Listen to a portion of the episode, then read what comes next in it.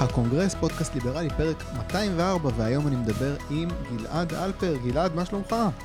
בסדר גמור, מה נשמע יניב? אני בסדר.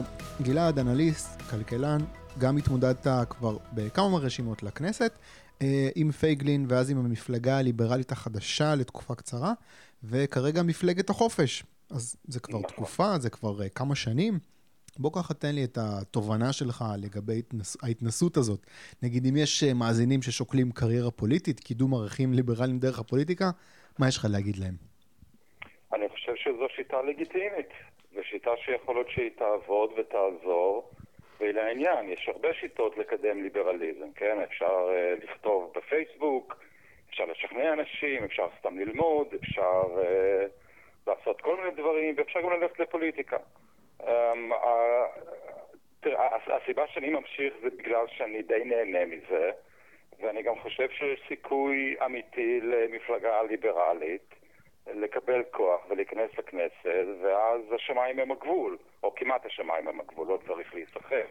Mm-hmm. אבל אני חושב שבפוליטיקה לפחות, לפחות בכל אופן כשרצים במפלגה ליברלית עצמאית, צריך לזכור שהמפתח כאן זה כסף. וזה לא דבר פשוט. בעצם זה המחסום של, לפחות בעיניי, עוצר אותי כבר שנה או משהו בסגנון. Mm-hmm. כי ללא כסף, מפלגה עצמאית, ללא הרבה כסף, מפלגה עצמאית, הסיכוי שלה להיכנס הוא אפס. אבל אה, ברגע שאני כן אשיג את הכסף הזה, ואני מקווה שאני אשיג, אז כאמור אני חושב השמיים הם הגבול. בוא רק מילה על המפלגה הנוכחית שלך, מפלגת החופש. אני הסתכלתי במפלגה, אותך אני מכיר, את שאר החברים שם אני לא מכיר כל כך, זה קצת אה, הרתיע אותי. המפלגה הזו, מפלגת החופש, זה בעצם מפלגה שהיא זהה למפלגה שרצתי איתה במועד ג', אה, המפלגה שאז קראנו לה עוצמה ליברלית כלכלית, שזה היה שם לא טוב. Mm-hmm. אז פשוט החלפנו את השם, זה בעצם אותה מפלגה וגם עם אותם אנשים. אה, זה נכון שחוץ ממני השמות האחרים שם הם פחות מוכרים, אבל לא זו הבעיה כאמור, הבעיה זה באמת כסף. אבל תראה, אל תזכור, אתה אמרת בתחילת השיחה, אל תשכח, אתה אמרת בתחילת השיחה שאנחנו עושים את זה כבר כמה שנים, mm-hmm. אבל בשנתיים האחרונות היו ארבע מערכות בחירות. כן. זה מרגיש כמו הרבה שנים, אבל זה לא כל כך הרבה שנים. נכון. זה פשוט אה, שנתיים שהתקבצו בהם מאורעות שאמורים לקחת משהו כמו עשר או חמש עשרה שנה. זה נכון. Uh, טוב, אז uh, לקראת הבחירות הבאות, שאני uh, לא יודע אם אני מקווה, אני נראה לי שאני מקווה ש, שהם לא יהיו בקרוב, אז uh, נחזור לעניין הזה עוד פעם, אבל בואו נדבר עכשיו על uh, דברים uh, על סדר היום. דבר ראשון, אני רוצה לדבר על uh, דוח שה-OECD חיבר וכולל המלצות למגזר הציבורי בישראל. אה, קצת דיברו על זה השבוע, המלצות כוללות אה, הגבלת זכות שביתה בשירותים חיוניים, התאמת גובה השכר לכישורים במקום לוותק, יצירת מגבלות תקציביות לתוספות שכר ועוד כמה המלצות ברוח דומה. אה, עידן דה ארץ כתב על זה פוסט יפה, בו הוא מציין שכרגע 10.5% מהתוצר שלנו הולך על משכורת למגזר הציבורי, זאת לעומת 9.5% בממוצע ב-OECD. ההסתדרות כמובן נעמדת על הרגליים האחוריות, היא מאיימת שלא יעזו לאמץ, לאמץ חס וחלילה את ההמלצות של הדוח. זה נחמד כי בדרך כלל עודפים ביקורת אה, אה, אה, אה, על ההסתדרות ועל מבנה השכר במגזר הציבורי, אה, באמירות כמו זה פורום קהלת הליברטריאנים הפסיכיים האלה שרוצים להרוג את כל העניים, או משהו בסגנון, אז כיף שטענות כאלה, זאת אומרת, אה, הצעות כאלה פתאום באות מגוף שמוסכם שהוא לא בדיוק פורום קהלת, הרבה יותר במיינסטרים לטוב ולרע, במקרה הזה לטוב. מעניין אותי אם לדעתך, אבל להמלצות הזה, לדוח הזה, תהיה איזושהי השפעה? זה נותן איזושהי רוח גבית למי שרוצים לשנות משהו בכיוון הזה? אני מקווה שכן, אני פסימי. דבר, אני רק רוצה טיפה לתקן, אולי זה דקדוקי עניות, אבל אני לא חושב שפורום קהלת...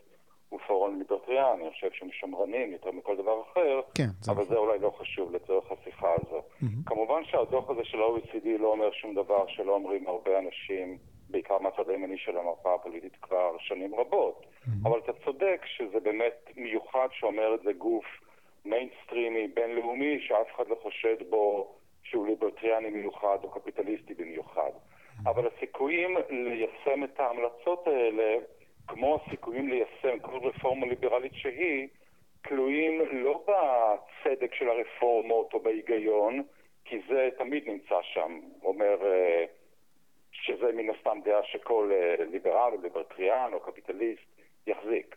הנקודה היא שמה הם באמת האינטרסים של הפוליטיקאים שאוחזים בכוח באותו רגע, והאם הם מספיק חזקים ומספיק מוכנים להיאבק בשביל ליישם את הרפורמות האלה, כי צריך לזכור נקודה מאוד חשובה, שמה שפוליטיקאי חושב ומה האידיאולוגיה שלו זה רק השלב א' של התהליך. השלב השני של התהליך זה כמה זה חשוב לו.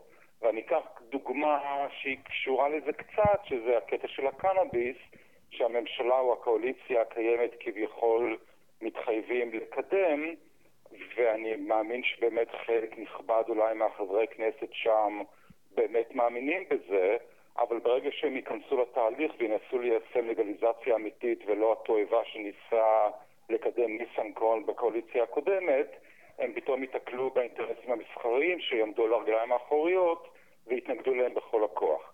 ואז תהיה שאלה לא רק האם אתה כפוליטיקאי מאמין בזה, אלא האם אתה מוכן להיאבק בזה. וזו השאלה הקשה. האם אתה מוכן לסכן את העתיד הפוליטי שלך, להקים אליך אויבים מאוד מאוד רבי עוצמה, בשביל ליישם את מה שאתה מאמין בו. ואותו דבר יקרה עם ההמלצות האלה של ה-OECD, ככל שמישהו בכלל ינסה לקדם אותם. כי ברגע שעושים את זה, כל uh, כוחות השחור, בוא נקרא לזה, של המגזר הציבורי וההסתדרות והתקשורת שבחלקה נכבד תומך בה, יקומו נגד הפוליטיקאים שינסו לקדם את זה, יציירו אותם בתור, אתה יודע, אה, העשירים הקפיטליסטים האכזריים מהרומנים של צ'ארלס דיקנס, ובואו נראה אז כמה באמת יהיה לאותם פוליטיקאים את האומץ והרצון להילחם בזה. מה שאני אומר כבר שני, שנים, עוד פעם אני משתמש במילה זה שנים, אבל מה שאמרתי עוד בתקופה שעשינו את הקמפיין של זהות, זה שמה שמיוחד בזהות ומה שמיוחד בכל מפלגה ליברלית כמו זו שאני עומד בראשה כיום מפלגת החופש, שהאנשים שנמצאים שם הם חסרי כל בסיס פוליטי. הם לא משרתים אף אחד, הם לא עובדים בשביל אף אחד, אלא רק את הציבור המאוד אידיאולוגי קפיטליסטי שיכניס אותם או יכניס אותם לכנסת. ואז מאוד מאוד ברור איפה האינטרסים נמצאים. אצל כל הפוליטיקאים שנמצאים כיום בכנסת, סבך האינטרסים שהם מסובכים בו הוא כל כך עמוק וכל כך, אה, וכל כך מתוסבך, שקשה לי לראות באמת דברים כל כך קשים, אה, שדברים שהמגזר הציבורי כל כך מתנגד להם, באמת מתקיימים, אבל תראה, אולי אני באמת קצת פסימי. אני רק אוסיף עוד איזה משפט על הנקודה הזו, שככל שההמלצות האלה של ה-OECD הן כולן ברורות ונכונות ומובנות מאליהן כמעט. אני רק רוצה להזכיר שיש פתרון יותר טוב, מכיוון שכמעט לא משנה כמה רפורמה תעשה במגזר הציבורי, לא תקבל את התפוקה ואת האיכות ואת התוצאות שאתה מקבל מהמגזר הפרטי. ולכן יכול להיות שדרך יותר טובה לטפל בבעיות האלה של המגזר הציבורי מאשר הרפורמות, זה פשוט להוציא את זה מהידיים של המגזר הציבורי. Mm-hmm. המעסיק הגדול ביותר במגזר הציבורי זה הרי מערכת החינוך, חוץ אולי מצה"ל, תלוי כמה אתה סופר את צה"ל. Mm-hmm. אבל uh, במקום איכשהו לתקן את המגזר הציבורי כדי שמערכת החינוך תהיה טובה יותר, תוציא את מערכת החינוך מהמגזר הציבורי ותן לבתי ספר פרטיים במימון ציבורי לטפל בנושא, שזה כמובן שיטת השוברים, שלצערי אף אחד אפילו לא... מדבר על אה, לנסות להתחיל איכשהו ליישם אותה בממשלה הזו. זהו. זה לדעתי פתרון יותר טוב. פשוט לעשות הפרטה ולא לנסות לפזר איזושהי אבקת קסמים על המגזר הציבורי ולקוות שזה ישפר את העניין.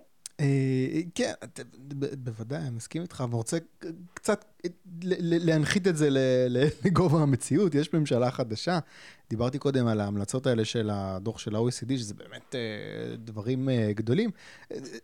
משהו קטן שעומד על הפרק, ששרן השכל בעצמה קידמה, בממשלה הקודמת כמובן, שהייתה באופוזיציה, ועכשיו זה על השולחן של גדעון סער, והוא לא, לא עושה שום צעד בכיוון. הסירוב הזה שלו בינתיים לחתום על אה, תקנות שיאפשרו שקיפות באגודות התימניות, אה, אתה יודע, הוא, הוא, הוא לא אמר שהוא לא יעשה את זה, אבל הוא אמר שהנושא בבדיקה, וזה נשמע כאילו שהוא די uh, ממסמס את זה.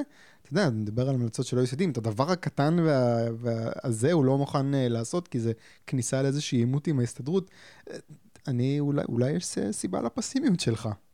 אני, אני רק רוצה להזכיר לאלה שמקשיבים לנו ואולי לא בטוחים במאה אחוז במה מדובר, ההסתדרות וארגונים נוספים כן. מנוהלים על פי תקנות משנת תרפפו, שנותנות להם לעבוד במחשכים בלי שום שקיפות, אין לנו מושג מה ההסתדרות עושה עם הכסף שהיא גובה, אגב בניגוד לרצונם לעיתים קרובות של החברים בה, כן? Mm-hmm. להזכיר, הרבה אנשים משלמים דמי חברות להסתדרות בניגוד לרצונם. ובאמת, כאמור, כמו שאתה אומר, במחי יד גדעון סער יכול אה, לשנות את כל העניין הזה ולדחוף את ההסתדרות למאה ה-21, לפחות מבחינת שקיפות. ואתה צודק, אבל זה בדיוק מה שאני מדבר עליו. האינטרסים הם כאלה, והשאיפות של הפוליטיקאים הם כאלה, שזה כמעט לא מאפשר להם לעשות רפורמות אמיתיות. גדעון סער רוצה להיות ראש ממשלה, או לפחות בוודאי בעתיד מתישהו, הוא בטח רוצה להתקדם מל... מלעמוד בראש מפלגה של, מה יש לו, שישה מנדטים? איך כזה. אתה עושה דבר כזה, תוך כדי שאתה מעורר את חמתם של, את חמתה של ההסתדרות ועוד הרבה ארגונים? איך אתה בתור פוליטיקאי יכול להתקדם אני מדבר על שר ספציפית, אבל כמובן כל פוליטיקאי שרוצה להתקדם, איך אתה יכול להתקדם אם אתה מקים על עצמך כל כך הרבה אויבים? Mm-hmm. אז אני חושב שזה פשוט בלתי אפשרי, או כמעט בלתי אפשרי. אם הוא מחר יעשה את החתימה הזו, אז אני אופתע, אבל אני מניח שזה אפשרי. Mm-hmm. ואני מצטער שאני קצת חוזר לעניין הפוליטי האנוכי שלי. Mm-hmm. אבל כשאתה עומד בראש מפלגה של 4, 5, 6 מנדטים, שהיא ליברלית קוהרנטית לחלוטין, והשאיפה הפוליטית היחידה שלך זה להיות בראש המפלגה הזו של השישה מנדטים ולקדם רפורמות ליברליות. אז דברים כמו לדחוף את ההסתדרות לחזית המאה ה-21, זה בדיוק הדבר שקהל הבוחרים שלך מצפה ממך. וזה, עוד פעם, זה, זה הסוד הגדול, זה מה שצריך לעשות, אבל אוקיי. אני רוצה שנדבר קצת על הממשלה החדשה, אולי בהשוואה לממשלה הקודמת. אה, הרבה אנשים בפיד שלי כעסו מאוד כשהממשלה הזאת קמה, הרגישו שבנט בגד בהם, אוי ואבוי, בנט יושב לי עם הערבים ועם מרץ, אוי ואבוי מה הממשלה הזאת תקדם. אני מודה שאני לא כל כך התרגשתי, כי אני לא חושב שהממשלה של הליכוד עשתה הרבה יותר טוב. אה, בוא נדבר אולי קודם על העניין הזה של ההבטחות בחירות של שרן השכל, הזכרת קודם את העניין הזה של הלגליזציה. מה אתה אומר על התוכנית הזאת שלהם? יש סיכוי שזה ירקום אה, עור וגידים? אני לא יודע מה התוכנית שלהם היא בדיוק, חוץ מזה שהם רוצים לקדם לגליזציה, להקים ועדה ולקדם אותה. Mm-hmm. אני רוצה להזכיר שזה מה שעשו בממשלה הקודמת. כמו שאמרתי, התועבה של ניסנקורן. אז זה שאתה מקים ועדה ומקדם לגליזציה ואפילו מגיש תזכיר חוק, זה בעצם לא אומר כלום, יכול להיות שאתה אפילו הופך את המצב לגרוע יותר, שזה מה שניסנקורן ניסה לעשות. אז uh, אני לא... אה, תראה, זה, זה לא פלא שאנחנו בשנת 2021, נדמה לי שיש תמיכה ציבורית מאוד רחבה, ואפילו בתקשורת, למען לגליזציה. הקטע של החולים של הקנאביס הרפואי הוא באמת זוועה שמתקיימת כבר שנים. ועדיין איכשהו שום דבר לא קורה. ואני חושב שהסיבה שעדיין שום דבר לא קורה זה בגלל שיש אינטרסים מסחריים מאוד חזקים שפועלים נגד זה, ומספיק לראות מי הם האנשים שעומדים כיום בראש החברות שיש להן רישיון אקסקלוסיבי מהמדינה לייצר קנאביס רפואי, מספיק לראות מי הם האנשים האלה, להבין כמה כוח יש לחברות האלה ומהי בדיוק העוצמה של האנשים שמתנגדים לשיפור חייהם של אזרחי מדינת ישראל והלגליזציה. אז אני, עוד פעם, כמו במקרה של גדעון סער עם האגודות העות'מאניות, אני אופתע אם יהיה כאן משהו אמיתי. אני מקווה שאני לא אופסימי מדי. כי אנחנו מאוד מאוד צריכים את זה, והחולים בטח צריכים את זה, אבל, אבל קשה לי, אה, אה, אה, קשה לי לחשוב שמפלגה, במקרה הזה מפלגה של שר ושל שרן השכל, שלא על זה היא קמה, קשה לי להאמין שעל זה היא תתאבד. כנראה שהיא לא תתאבד על זה. מלבד לגליזציה, אבל אם אנחנו באמת משווים למה שהיה פה מקודם, אתה חושב שממשלת בנט-לפיד, בהנחה והיא תשרוד, תגרום יותר נזק או תביא יותר תועלת לקידום אג'נדה ליברלית? תראה, זו שאלה מצוינת. אתה הזכרת מקודם את הכעס שהתעורר בפיד שלך כשהממשלה הזו קמה, והצד הזה הוא מוצדק. בוא, היה כאן משהו שאפשר לקרוא לו אה, אני לא רוצה להשתמש במילים קשות מדי, אבל היו פוליטיקאים שהפרו בצורה כמעט חסרת תקדים הבטחת בחירות ברורה, אז ברור שזה מכעיס. אבל אתה צודק שזה לא אומר שהממשלה הזאת תהיה בוודאות גרועה יותר. Mm-hmm. הדבר שהכי טוב שפועל למען הממשלה הזו הנוכחית, היא העובדה שבשנים האחרונות ממשלת נתניהו הייתה פשוט זוועה. כששרי האוצר האחרונים היו כחלון ואחריו כץ, זה לא כל כך מסובך להיות יותר טובים מהם. Mm-hmm. דבר מאוד מאוד בסיסי, כמו שעשה עכשיו ליברמן, שסגר כמה מהמחלקות המטופשות שפתח ישראל כץ, או שהפסיקו את החל"ת לעובדים מתחת לגיל 45. זה, זה דברים שהם סופר מובנים מאליהם, וזה כמו, אתה יודע, כאילו הממשלה הקודמת הייתה כל כך גרועה, שהיא מרימה לבולל לממשלה הזו. כן. אז הממשלה הזו עדיין יכולה להיות גרועה, ואני בטוח, אני די משוכנע שהיא תהיה גרועה, mm. אבל בהשוואה לביבי, כץ וכחלון, היא אולי תראה אפילו יותר טובה, מגוחך ככל שזה יישמע. טוב, אנחנו נחזור לאביגדור ליברמן, אני רוצה עכשיו לעבור אבל לנושא אחר, נעזוב רגע את הממשלה. בואו נדבר על הפרעות שהיו פה לפני כמה שבועות, אה, נגמרו ממש לפני, אה, בזיכרון שלי לפני ממש זמן קצר. רצית בהקשר הזה לדבר על הזכות אה, לשאת נשק אישי. מן הסתם אני בעד שאזרחים יוכלו להתגונן, אבל שתי בעיות שקופצות לי לראש, קודם כל, יותר אזרחים חמושים אומר גם יותר אזרחים שיורים, וזה לא אומר שבסופו של דבר היו הרבה יותר הרוגים, נגיד, בסבב פרעות שעברנו, אם היו יותר אזרחים חמושים? אני חושב שאם ליותר אזרחים שומרי חוק היה נשק אישי, היינו רואים הרבה פחות פרעות, כי אותם הפורעים שיודעים שהמשטרה היא לא נמצאת שם, היא לא נמצאת לעצור אותם, הם היו יודעים שיש אזרחים שכן יכולים לעצור אותם, אז הם יהיו פוחדים לנשק חוקי ביד של אזרחים שומרי חוק, יש כוח הרתעתי. הדרך הכי טובה לוודא שהפורעים ימשיכו בחגיגה שלהם זה לוודא שהאזרחים הטובים אין להם יכולת להגן על עצמם. אני חושב שכולם פחות או יותר מכירים כיום בזה שהמשטרה לא מקיימת בעצם את התפקיד שלשמו היא קמה. אני בדיוק היום, אגב, ראיתי איזשהו סרטון על מה ששוטרים עושים ב... כשהם נותנים דוחות מהירות. איך הם אורבים לנהגים במקומות שעל פי תקנות המשטרה אסור להם להרוג להם, ואיך שוטרים אפילו מזיזים איזה תמרור של אה, גבול המהירות המותרת ממקום למקום בשביל אחרי זה, בשביל לתת יותר דוחות. כלומר, המשטרה היא לא, אין לנו משטרה, אין בעצם משטרה במדינת ישראל.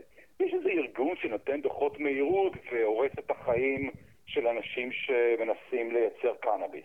אבל אין משטרה, אנחנו בעצם חסרי הגנה, זו עובדה.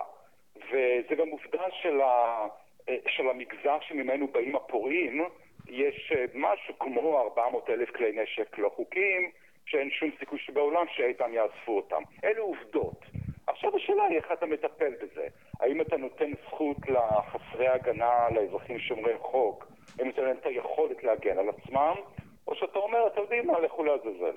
כי אנחנו פוחדים שאתם תגנו על עצמכם. זה לדעתי מה שקורה כאן. כלומר, מעבר לקטע הליברלי שזכותו של אדם להגן על עצמו, שזה בעיניי מובן מאליו, יש פה את הקטע המעשי. יש פה אזרחים שומרי חוק ללא הגנה, יש הרבה פורעים שיש להם נשק ועושים מה שהם רוצים, ואין כאן משטרה. זהו, זה העובדה. אתה בעד לאפשר גם לערבים לשאת נשק אישי? לכל אזרח שומר חוק שעבר אה, אה, קורס ירי מעשי, שהוא בריא בגופו ובנפשו, בוודאי. תראה, במציאות הפוליטית כמובן שזה לא יקרה, בטח לא בשנים הקרובות. אה, מה שיעשו במקסימום, במקסימום, אני גם בזה לא מאמין, אני גם בזה לא מאמין שהם יעשו, אבל במקסימום ייקחו את, הקטגור, את הקריטריון היום של רובעי 07 ויורידו אותו ל-03, שזה גם כן יהיה נהדר, אבל זה המקסימום שיעשו. בתיאוריה, כליברל, מה שהייתי רוצה לראות, שכל אזרח שומר חוק יוכל להחזיק נשק. ואלה ששומעים אותי ואומרים, מה, אתה מטומטם? אתה רוצה עכשיו לתת לערבים נשק? אז א', ערבים אה, הם אה, אה, אזרחים שומרי חוק ערבים, הם בדיוק כמו אזרחי, אזרחים שומרי חוק יהודים. ועוד פעם, אני רוצה להזכיר את המשפט המאוד נכון לדעתי. ברגע שממשלה מונעת מאזרחים שומרי חוק להחזיק נשק, היחידים שאין להם נשק הם אזרחים שומרי חוק. אוקיי, זה, זה, אתה יודע, אני, אני מסכים איתך בתיאוריה, לא, לא יודע, משהו אומר לי, יש לי תחושת בטן כזאת שזה לחמש יותר אזרחים, זה, אתה יודע, זה, זה, זה, זה מרגיש לי בבטן כזה, זה, זה לא ייגמר לא, טוב. זה, זה, זה, זה לא צריך להרגיש לך רע בבטן בכלל. אני רוצה להזכיר לך שבמדינת ישראל יש תרבות נשק מאוד מפותחת, אבל גם מאוד נסתרת. והתרבות נשק המאוד מפותחת הזו היא שכל צעיר בן 18 שהוא חצי שפוי מקבל M16, או תבור, או מה שהיה פעם גליל, אני לא יודע מה נותנים להם היום. וגם המילואימניקים בעשרות אלפים שיש להם כבר משפחות וצרות בחיים, וכל מיני סיבות לכעוס בגללם, גם להם נותנים נשק. ועד לפני כמה שנים גם היו נותנים, נותנים להם לקחת נשק האוטומטי שלהם הביתה. אותו נשק שאפילו בארצות הברית לא מותר לאנשים להחזיק. ואני רוצה שננסה עכשיו לזכור כמה מקרים במדינת ישראל היו בכל ההיסטוריה הזו של עשרות אלפי צעירים ומילואימניקים מסתובבים עם רובי סוהר, סער, שראינו אנשים יורים אחד בשני בגלל ריב בחנייה או בגלל שהם כעוסים שמישהו חתך את הנתיב לפניהם. אפס. אני, בעצם אני זוכר אחד לפני איזה כמה שנים. זהו. זה כל מה שיש. אפשר גם להגיד שגם בהתנחלויות או ביהודה ושומרון יש אנשים שנושאים נשק בכמות מאוד מאוד גבוהה, במספר מאוד גבוה, וגם שם לא יורים אחד בשני בגלל ריבים על חנייה. אז כל הקטע הזה שאנחנו חבורה של חמומי מוח, שרק מחכים להזדמנות שיהיה לנו נשק ביד שנוכל לירות אחד בשני כי uh, שרטו לנו את הרכב או משהו בסגנון, זה שטויות. אוקיי, אה, אוקיי, בוא נעבור נושא, בוא נדבר על אה, עוד נושא שרצית להעלות, אה, נתב"ג. הפקקים, מחדלי קורונה, אה, יש לך פתרון אה, מקורי לבעיות של אה, נתב"ג, מה הפתרון? לא כל כך מקורי, אני חושב. שצריך להקים נמל תעופה שני, שעד כה אני בתל זמני לא אומר שום דבר חדש, אומרים את זה כבר שנים, אולי גם עוד 200 שנה יעשו את זה, אבל מה שאני אומר, שנמל תעופה שני צריך להיות במימון, בבנייה ובהפעלה של השוק הפרטי, של איזשהו יזם פרטי, כשהמעורבות היחידה של המדינה בנמל התעופה הזה, היא תהיה דרך ביקורת גבולות, כי לזה אתה חייב את המדינה. אתה חייב שנציג מדינה הוא זה שיבדוק את הדרכונים. אבל מעבר לזה כלום. ואני מבטיח לך שבנמל תעופה כזה, בחיים לא היה מה שקורה עכשיו עם הקורונה, שנמל התעופה פשוט מוכה בהלם מזה שבתחילת יולי ובסוף יוני מספר הנוסעים גובר, ועוד בעיקר כשהשמיים נפתחים אחרי הקורונה, ופתאום, כמו מבין המחשכים מהמאדים, מגיעות הטיסות הנסתרות האלה עם הנוסעים שאף אחד לא ידע על קיומם, ואז הם יוצאים פקק שאין מספיק בודקים. זה בחיים לא היה קורה בנמל תעופה פרטי. אגב, בתור הערת משנה, אני גם חושב שאת הנמל תעופה הזה, במקום לבנות במדינת ישראל, אפשר לבנות שני קילומטר מהחוף, כמו שהיפנים עושים. היפנים כיום יודעים לבנות נמל בלב ים מ-0 עד 100 אחוז תוך חמש שנים. וזה יהיה מושלם, כי זה כמובן לא פוגע בעתודות הקרקע במדינת ישראל. נדמה לי שזה אפשרי, בו אני לא מהנדס בנייה, אני לא בטוח, אולי כמה דברים אני לא מבין פה, אבל uh, ככה או אחרת הוא חייב להיות פרטי, כי אחרת נקבל עוד זבל כמו נתב"ג. אגב, גם הבנייה שלו וגם העניין הזה של הקרקע, לא יודע, זה נשמע לי כמו איזשהו סיוט, אה, אה, אה, סיוט אה, בירוקרטי, כי אתה יודע, אה, זה הרי מעלה התנגדויות מוצדק, מוצדקות. עובדה שזה עוד לא קרה, עובדה שזה עוד לא קרה. לא, כל, אבל אני אומר- כשאתה בונה כזה נמל תעופה, אתה יוצר בעיות ענק, אתה גם בונה אותו, רוצים לבנות אותו במקומות שהם לא מרכז הארץ, מה שמלכתחילה פוגע ביעילות שלו, אם כי תלוי איפה שמים אותו, כן, אה, מדינת ישראל היא לא כולה תל אביב. אבל אם אתה בונה כזה נמל תעופה במרחק 2, 3, 5 קילומטר מה, מהחוף, וכאמור, היפנים עושים את זה, זה לא מדע בדיוני מה שאני אומר עכשיו, ולא רק שזה לא מדע בדיוני, אפשר לעשות את זה יחסית מהר, בטח לקצב העבודה הבלתי נסבל באיטיות שלו שאנחנו עושים בארץ, ואז אין לך בעיה של רעש, אין לך בעיה של צפיפות, אין לך שום בעיה. זה פתרון שעל פניו לי, כבן אדם שהוא לא מהנדס בנייה, נשמע מושלם. אגב, בארצות הברית נגיד נמלי תעופה הם פרטיים? סתם סקרנות. חלקם, חלקם. חלקם כן, חלקם לא. נדמה לי שזה שבדנבר הוא פרטי, אה, אבל אה, אני- ארה"ב היא כל כך שונה כי יש להם כל כך הרבה מקום, זה לא אותן בעיות שלנו יש. אתה מגיע לבית אני מכיר פשוט טוב את נמל התעופה של דנבר, כי אני נוהג, כשהייתי יכול, הייתי עושה שם סקי. ואתה רק בשביל להגיע לנמל התעופה, אתה צריך אה, לנסוע חצי שעה, כי אה, יש שם מר- מרחבים בלתי נגמרים. אבל זה סיפור אחר, זה לא קשור אלינו. אוקיי, בוא נחזור עכשיו רגע לממשלה. אה, הזכרת קודם את אביגדור ליברמן. כשר אוצר, הוא רק בהתחלה, והוא עדיין חידה. ההתחלה נראית מבטיחה, מפזר הצהרות, שהוא לא סנטה קלאוז, הוא לא מחלק מתנות. זה טוב, הוא מדבר על זה שלכולם יש דרישות בין מוצדקות, אבל צריך לעשות סדר עדיפויות, ציטוט, אנחנו לא ארצות הברית, אין לנו מכונה שמדפיסה דולרים. זה מרענן. עכשיו, מה אתה אומר? ליברמן יהיה איזושהי נקודת אור בממשלה הזאת, שזה רק אה, דיבורים, וכשצריך הוא יתכופף ויפתח את הברז בדיוק כמו הקודמים אה, בתפקידו? ראשית, אתה צודק, הוא באמת מרענן, הוא באמת אומר דברים שהם אולי במאה אחוז מובנים מאליהם, אבל לא שמענו אותם לא מכץ, לא מכחלון, ונדמה לי שגם לא מלפיד. ששלושתם, ובעיקר שני האחרונים, היו באמת על גבול הקריקטורה. אז כן, יכול להיות שיש בו איזושהי בשורה. אני נוטה להתעלם מכל מה שפוליטיקאים אומרים ולהתמקד רק במה שהם עושים. כי אין שום כן. משמעות למה שהם אומרים. זה נכון. אז אני... אז תראה, אני, אני לא רוצה להיות ביקורתי יתר על המידה בלי שום סיבה טובה ולהגיד שאני לא מאמין לו. אני רק אומר שההצהרות עצמן, ככל שנשמעות טוב, ללא מעשים שילוו אותם, אין בהם, אין בהם כלום. אה, אבל אתה צודק, אתה יודע, לפני שאתה עושה משהו טוב, בדרך כלל אתה גם אומר משהו טוב. אז אה, עדיף שהוא יגיד דברים מהסוג שהוא אומר ולא דברים מהסוג שאמרו כחלון וכץ. אני רק אומר, לא צריך לפתוח את הבקבוקי שמפניה לפני שאנחנו רואים מה הוא באמת מתכנן לעשות. אה, זה בהחלט. בוא נדבר שנייה על דבר ספציפי שהוא הצהיר עליו שהוא הולך לעשות, וזה הביטול פטור ממע"מ על חבילות מחו"ל אה, אה, שעולות עד אה, 75 דולר. פטור מאוד פופולרי, אני מזמין חבילות. יהיה מבאס לשלם יותר ולהתעסק עם הבירוקרטיה שזה אולי אה, יגרור. אני חייב להגיד אבל שאני תומך בביטול של הפטור הזה, לדעתי מס צריך להיות אחיד. אין סיבה שבן אדם שפותח חנות בארץ יצטרך להתחרות מתוך עמדת נחיתות בחנות רק בגלל שהיא בחו"ל, והיא יכולה למכור אה, ללא מע"מ. מה אתה אומר על הצד הזה? הביטול של הפטור הזה הוא מוצדק? שאלה טובה. אני רואה את האנשים שטוענים שיש בזה יתרון וזה מוצדק אז בגלל הסיבה שאמרת, וגם בגלל שעדיף תמיד מערכת מס שהיא פשוטה יותר, רחבה יותר. כלומר, עדיף שיעור מס רחב ונמוך מאשר שיעורי מס גבוהים יותר עם אין סוף לופ-הולס ופטורים ודברים כאלה שמסבכים את החיים. אבל אני, יש לי חוסר, אני מרגיש מאוד מאוד לא בנוח עם כל הסיפור הזה.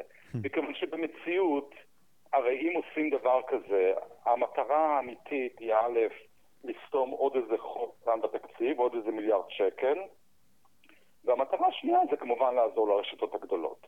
הרשתות הגדולות הן אלה שנפגעות בעיקר מהקטע הזה של היבוא, ואתה כמובן דופק 9 מיליון אזרחים כי אתה מעלה להם את uh, יוקר המחיה. בצורה זו או אחרת, כן, זה לא משנה אם זה דרך עליית מס או whatever, אתה מעלה את יוקר המחיה. זה, זה, זה התוצאה האמיתית כאן.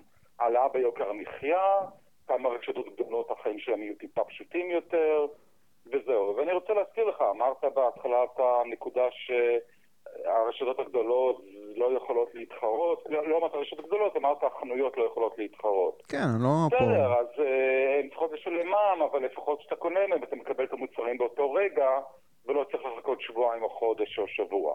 אז זה לא שהן כאלה מסכנות.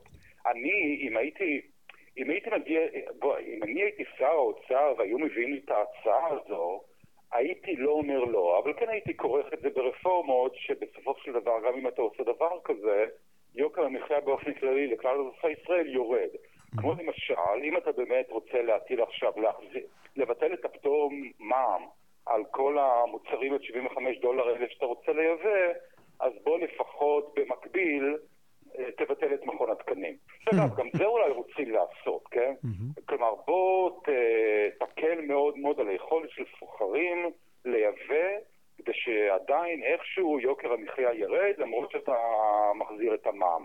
לעשות משהו שבסופו של דבר אנשים לא ייפגעו. אגב, יש גם פטור ממע"מ על פירות וירקות.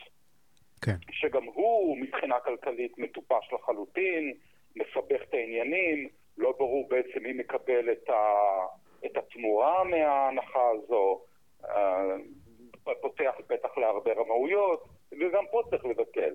אבל אם משרד האוצר היו באים אליי ואומרים בואו נבטל את הפטור הזה, הייתי אומר סבבה, אבל גם נעשה, נעשה את זה כחלק מעסקת חבילה, שבה אנחנו גם עושים ליברליזציה של שוק החקלאות המקומי, ופותחים אותו ליבוא חופשי, ולוודא שבסופו של דבר יוקר המחיה ירד לכולם, ובצורה דרמטית במקרה של הפירות וירקות. כן. כלומר, סתם לבטל את הפטורים כי זה לא נראה נחמד, כי יש לנו מערכת מס עכשיו יותר מסובכת ממה שהייתה יכולה להיות, בוא, לא...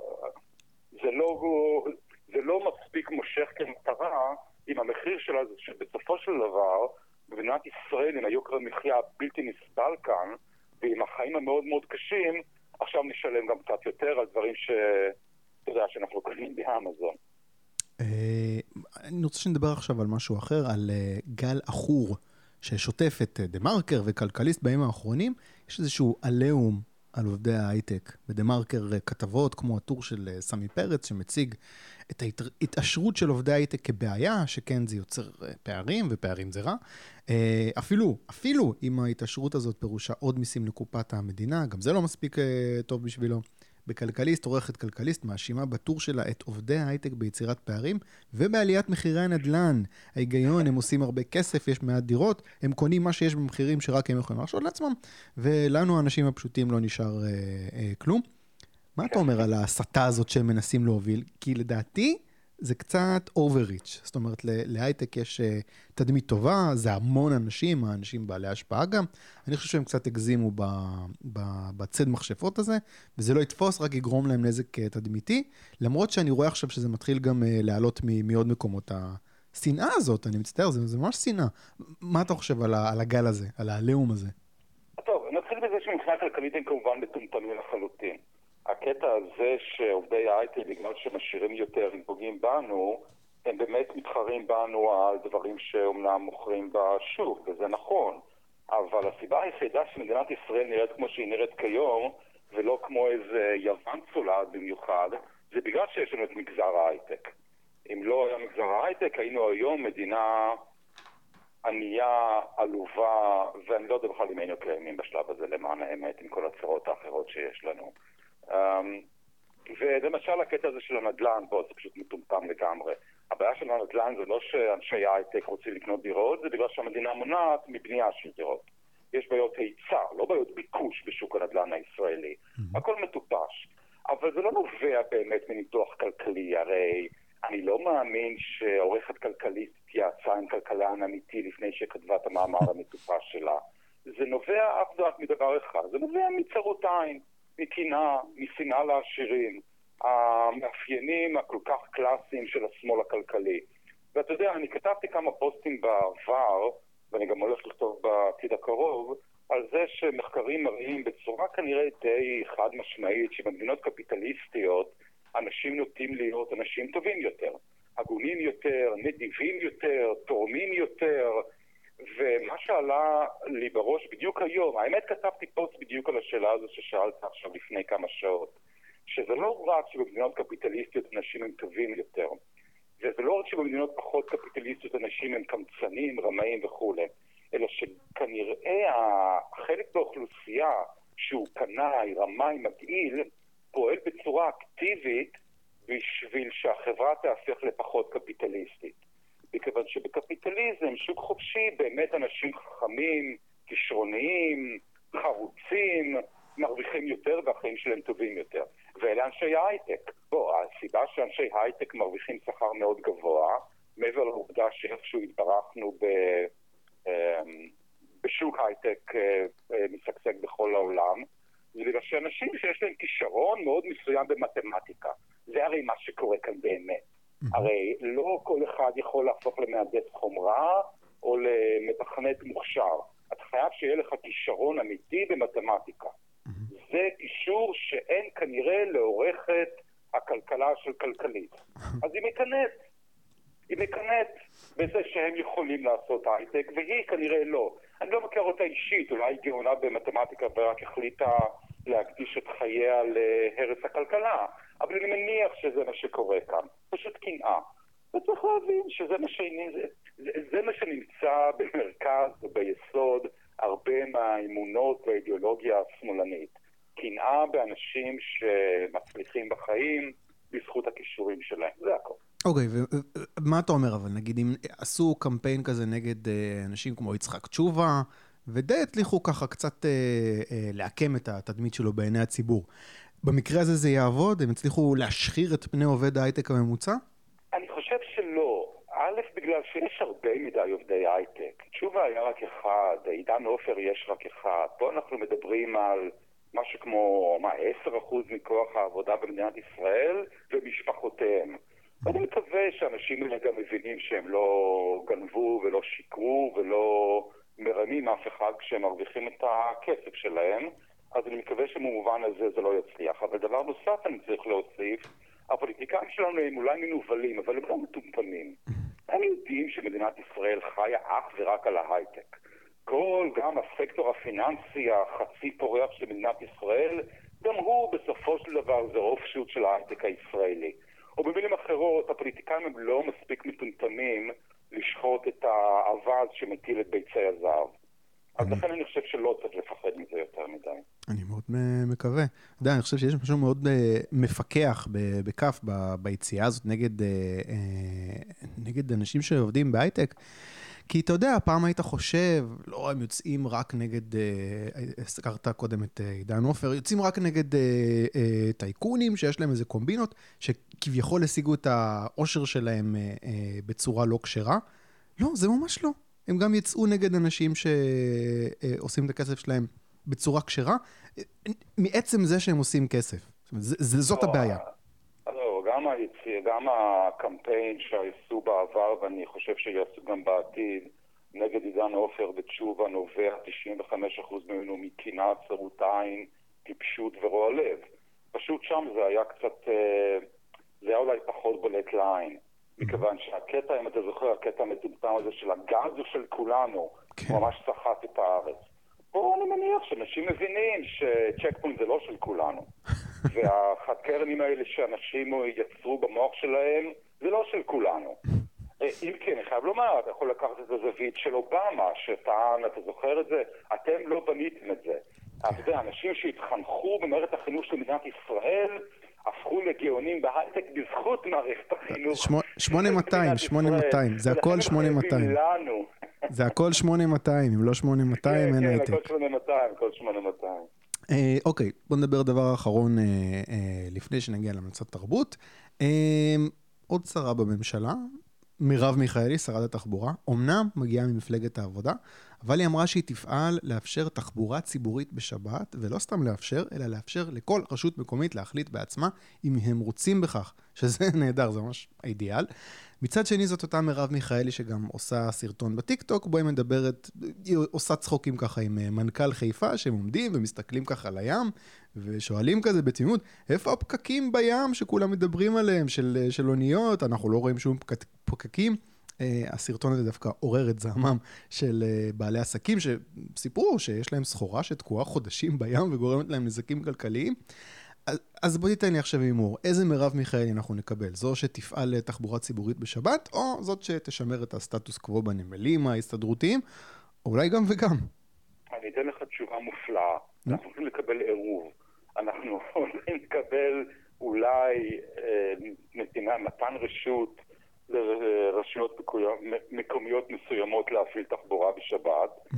כי זה מתאים לרצונות של קהל הבוחרים של מיכאלי, mm-hmm. אבל גם צריך לזכור שמרב מיכאלי היא... אה, אני לא רוצה להשתמש במילים קשות מדי כמו פשיסטית או משהו כזה, אבל בסופו של דבר היא נגד חופש אישי, ואין לה שום עניין לקדם את כלכלת ישראל כמו שאני ואתה לפחות מבינים את המושג הזה, ולכן אני מניח שהיא הולכת גם לעשות הרבה נזק. אבל אה, אתה יודע, נראה, נחיה ונראה, קשה, קשה לדעת, קשה לדעת האמת. מבחינה אידיאולוגית אני, אני, אין לי רבע מילה טובה להגיד על שום דבר שהיא מאמינה בו. אבל אפילו אנשים שמאמינים בדברים הפוכים ממני, לפעמים מסיבות צדדיות ומוזרות ונסתרות, בטעות עושים דברים שאולי אני מסכים להם. גם זה יכול להיות. אוקיי, דבר אחרון. לגליזציה, אני מניח שאם יש איזשהו כוח בקואליציה שיסכים ללגליזציה, אז מרצ, מפלגה שאני אה, מוצא אותה דוחה באופן כללי. אבל בנושא הזה אולי הם דווקא יעזרו, אני יודע. כן, לא, באמת, אני לא, אני לא רואה איזה כוח אה, התנגד יותר מדי ללגליזציה בקואליציה, אולי מרע"מ מאיזושהי סיבה, אבל באמת ל- לא רואה סיבה שזה לא יקרה. אני, אני רוצה אבל עוד פעם להזכיר לך ולכל מי שמקשיב לנו, המילה לגליזציה כשלעצמה לא אומרת כלום. גם ניסנקורן הרי עשה תזכיר חוק ללגליזציה, שבו הוא תכנן להטיל 20 שנות מאסר על בן אדם שמגדל עציץ קנאביס בבית שלו. והוא קרא לזה לגליזציה. אז גם כשאני חושב על מרץ בהקשר של לגליזציה, מאוד מדאיג אותי איך מישהו כמו הורוביץ חושב על לגליזציה. מה הוא חושב שזה לגליזציה? האם בן אדם כמוהו מסוגל לצאת מהנקודת מבט של שמאלני שרוצה שהמדינה תנהל את החיים שלנו? או ש... כלומר, האם, האם באמת הוא יעשה לגליזציה שמשחררת את הקנאביס, או שהוא יעשה לגליזציה שבסופו של דבר פשוט תרחיב את השלטון של המדינה מהקנאביס הרפואי לקנאביס החברתי. אבל בוא, אני מקווה שאני עוד פעם, אני אומר את המשפט הקטן הזה בפעם השלישית, אני חושב, בשיחה שלנו, אני מקווה שאני לא פסיבי מדי. אה, אנחנו צריכים פשוט לחכות ולראות מה באמת אה, יהיה על הפרק. בוא נסגור עם המלצת תרבות, ספר, סרט, פודקאסט, אירוע שאתה רוצה להמליץ עליו. לי אין המלצה השבוע, אז uh, הבמה שלך. אה, אני, ציפיתי לשאלה הזו, ואני חשבתי קצת, ואני מתקשה למצוא סרט או סדרה או פודקאסט להמליץ עליו. סרט או סדרה ממש לא. נניח הפרקים, העונות החדשות של ריק ומורטי זה תת רמה, כמעט בלתי ניתן לצפייה. הסדרות החדשות שלהם הם של ה... נו, של מארוול. הן, כן, פשוט משעממות ובינוניות. כן, אתה לא אוהב את הפרקים של ריק ומורטי גם בעונה הזאת? נורא. מה זה נורא? אני מסתכל, אתה רואה את זה, אבל... לא מחייך ולא צוחק, ורק חושב כמה זה הכל לא מעניין, והם הם, הם באמת באמת איבדו את זה. אני חושב שבעונה השלישית הם התמוטטו, העונה הרביעית הייתה ממש בלתי ניתנת לצפייה, ומה שהיה מאוד בולט בה, אני חושב שהם פשוט שונאים את הדמויות שלהם. אני חושב שנגמר להם מה להגיד פשוט. פשוט שונאים את הדמויות שלהם. נראה לי נגמר לו פשוט מה להגיד. זאת אומרת, היה לו משהו להגיד, והוא פיתח ופיתח ופיתח, ונגמר, כמה אפשר, לאן אפשר לקחת את זה עוד, את הדמויות האלה? נכון, תראה, זו תופעה רגילה, אני חושב באופן כללי, שסדרות אחרי עונה או שתיים או שלוש או ארבע יורדות. אבל פה שתי העונות הראשונות היו כזו התפוצצות של יצירתיות, שההתמוטטות הייתה מאוד מאוד בולטת. Mm. וגם בדרך כלל זה לא קורה אחרי שתי עונות, זה קורה אחרי ארבע עונות, חמש עונות. או סיינפלד למשל. לסיינפלד לקח שתי עונות להפוך לטובה, ולקח לה עוד חמש עונות אחרי זה להפוך לרעה. Mm-hmm. ופה כאילו זה קרה בבת אחת, זה מאוד מעניין. Mm-hmm. עצם התופעה של ההתמוטטות המהירה הזו היא מאוד מעניינת. אני רוצה, אני, אני רוצה להתוודות אבל, אני עדיין נהנה לראות את זה. זאת אומרת, כן, זה לא, זה רחוק מהשיא, אבל עדיין כיף, עדיין, הם עדיין מצחיקים אותי. לא, תראה, כשיצא הפרק השלישי עוד כמה ימים, זה לא שאני לא אראה. Mm-hmm. אני אשב ואראה, תמיד מתוך תקווה, mm-hmm. אבל אני לא, לא נהנה. לא נהנה. אוקיי. אתה יודע מה, יש איזו סדרה שאני יכול להמליץ עליה. אוקיי. שנדמה לי שלא דיברתי עליה איתך בעבר. אוקיי. אבל זו סדרה שאפשר למצוא אותה או באמזון פריים, או כמובן בטורנט, אם כי זה לא חוקי, והיא נקראת פריצ'ר, uh, המטיף.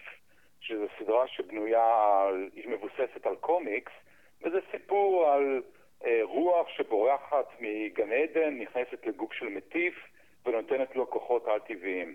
זו סדרה מאוד מאוד אלימה, אני צריך להגיד מיד. זה נדמה לי לבני 18 פלוס. Mm-hmm. זו סדרה מאוד אלימה, אבל היצירתיות והדמיון והדמויות שמשחקות בסדרה הזו, כולל אגב השטן ואלוהים, זה פשוט הופך אותה בעיניי למרתקת. אבל עוד פעם, אזהרת צפייה, זה 18 פלוס, זו סדרה לא תמיד נעימה לצפייה. בסדר גמור, אז פריצ'ר באמזון, סבבה, אני אוסיף את זה. אני אשמר לעצמי את הזכות להמליץ על שלושה ספרים. יאללה. אז הספר הראשון, הייתי אומר, מי שמתעניין בהיסטוריה עתיקה, ספר בשם שווים, סיפורה של ספרטה, שזה אחד מהערים, אחד מהתופעות המדהימות בהיסטוריה האנושית. תופעה אגב מתועבת, אבל עדיין מאוד מאוד מעניינת. Mm-hmm. שווים, סיפורה של ספרטה, mm-hmm. ספר היסטוריה מאוד מאוד נחמד.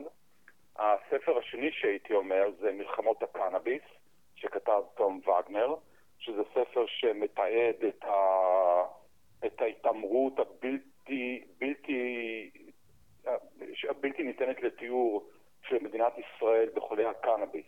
איך המדינה פשוט מענה ורוצחת אנשים שחולים בסרטן ובמחלות אחרות על ידי זה שהיא מונעת מהם קנאביס. זה פשוט סיפור מדהים, וזה מראה... והסיבה שאני מוצא את הסיפור הזה כל כך מעניין מעבר, ל...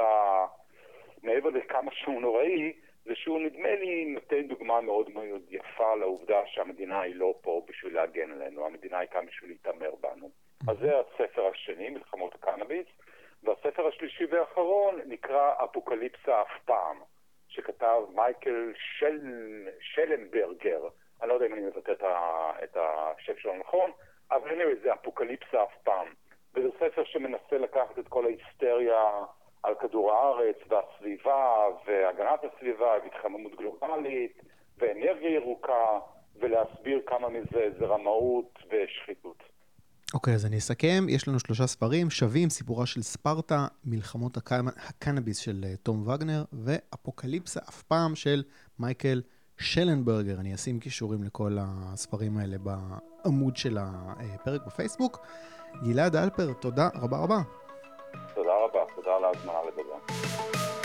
תודה רבה לגלעד אלפר, הקונגרס, ניפגש בעוד שבועיים עם עוד ליברל.